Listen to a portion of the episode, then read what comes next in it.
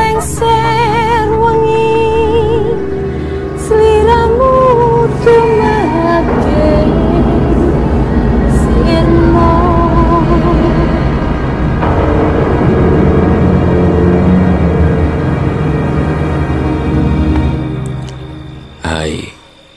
selamat datang di cerita horor ruang imajinasi. Sebuah kisah nyata yang mungkin kita pernah alami. Ya, dengan gua, Renjan. Dan selamat datang di cerita horor malam Jumat.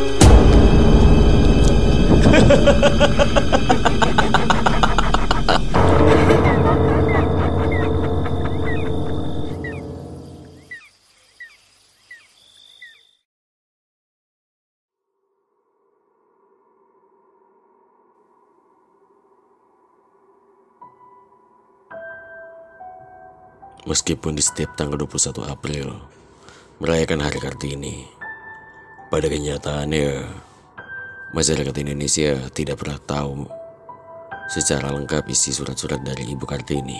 Pendidikan di sekolah maupun di universitas, bahkan juga di media sosial, hampir tidak pernah menunjukkan apa yang sesungguhnya yang ditulis oleh Ibu Kartini dalam surat-suratnya itu. Hai, namaku Renjan dan selamat datang di cerita horor malam Jumat.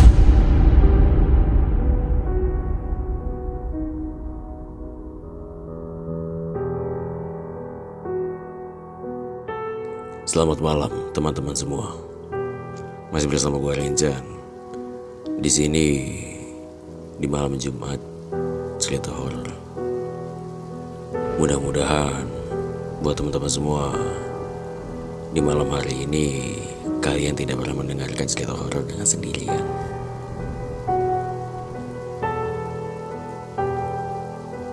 Selamat Hari Kartini bagi seluruh perempuan di Indonesia. Siapakah Kartini di kacamata orang Indonesia? Dia adalah pejuang emansipasi wanita dengan syarat tak boleh lupa dengan kodrat ya.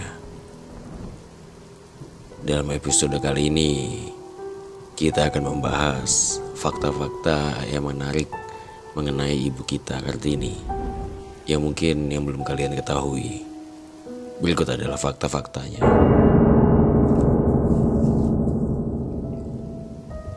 Kartini adalah seorang perempuan pemikir yang paling penting perlu kita maknai adalah pemikirannya yang tertuai dalam surat-suratnya.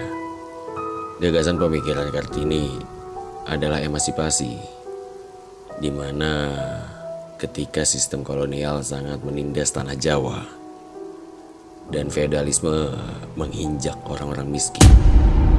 Pemikiran Kartini bukan semata-mata emas emansipasi wanita, tetapi bagaimana nasib dari Hindia Belanda bebas dari penjajah. Karena dia seorang perempuan, Pemikirannya soal penindasan tersebut, perempuan menjadi ikut serta di dalamnya. Yang pertama, surat terbuka dari Ibu Kartini. Dalam surat-suratnya tersebut, Kartini menggambarkan kepiluannya menjadi seorang perempuan bangsawan yang tak seindah dia bayangkan. Bahkan menjadi rakyat jelata lebih memiliki sedikit kebebasan untuk bersuara, berekspresi. Sementara perempuan bangsawan akan terkurung di balik tembok keraton seumur hidup ya. Akan dipaksa menikah yang sudah ditentukan dengan siapa ia akan ia menikah. Seseorang perempuan bangsawan pun tak diperbolehkan sekolah tinggi Mengapa Kartini menulis pemikirannya melalui surat?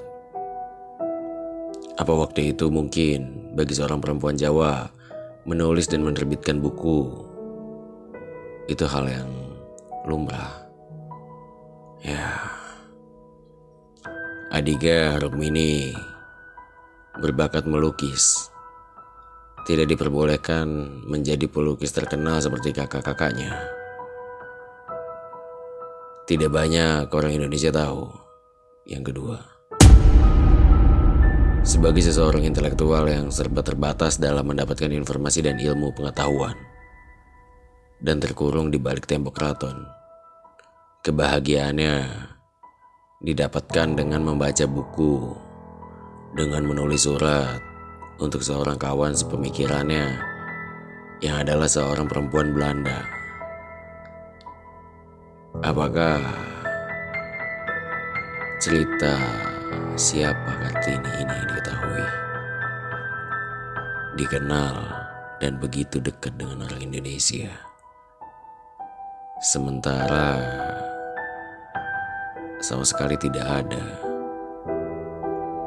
orang Indonesia masih saja tidak memahami makna emansipasi yang telah dijelaskan tadi. Orang Indonesia masih membatasi Kartini dengan simbol perempuan berkebaya, bersanggul yang memiliki tahta yang tinggi, yang hanya menunjukkan simbol keibuan, keperempuanan, kelembutan, yang kemudian diklaim sebagai perempuan Indonesia.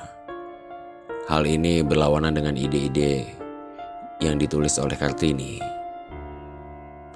Yang ketiga, isi surat Kartini yang sangat inspiratif bagi perempuan. Tetapi dikemas dengan sangat dangkal dalam simbol fashion kebaya modern yang ditampilkan oleh media TV. Lucu sekali. Kartini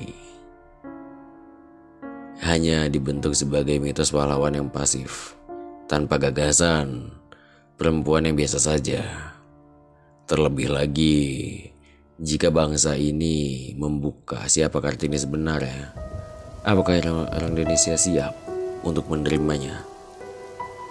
Nah, sepertinya aku tidak yakin apa yang dituangkan dari dalam surat Kartini berikut ini. Jika seseorang gadis berjalan, ia harus berjalan dengan tenang. Langkahnya harus lamban dan pelan sepelan bekicot.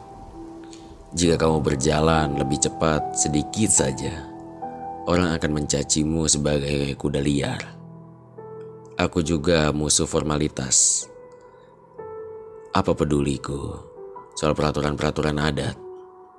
Aku gembira sekali Akhirnya aku dapat mengoyak-ngoyak peraturan adat Jawa yang konyol itu dan pesat berbincang denganmu di dalam tulisanku. Pertama kali, orang-orang memang membenci kebebasan dan keagraban kami. Kami bahkan dijuluki anak yang salah dididik. Untuk dijuluki kuda kore atau kuda liar karena jarang sekali berjalan melainkan dan pecicilan ke sana kemari. Aku sering tertawa dengan keras hingga gigiku kelihatan. Tetapi sekarang ketika mereka melihat dan merasakan keakraban di antara kami, ketika etika leluhur kami menghilang, orang-orang mulai iri melihat kedekatan kami.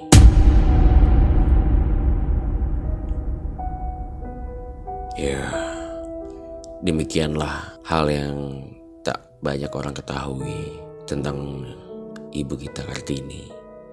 Di dalam surat di atas, tentu tidak terbayang oleh kita betapa kritisnya kata-kata yang ditulis ke ibu Kartini.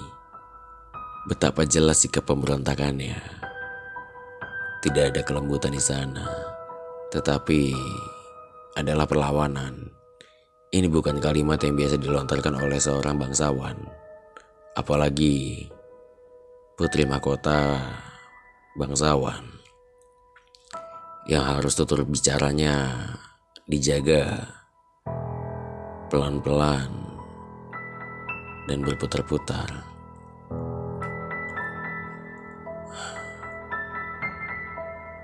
Jadi buat teman-teman semua, aku harap Kalian tak pernah sendiri.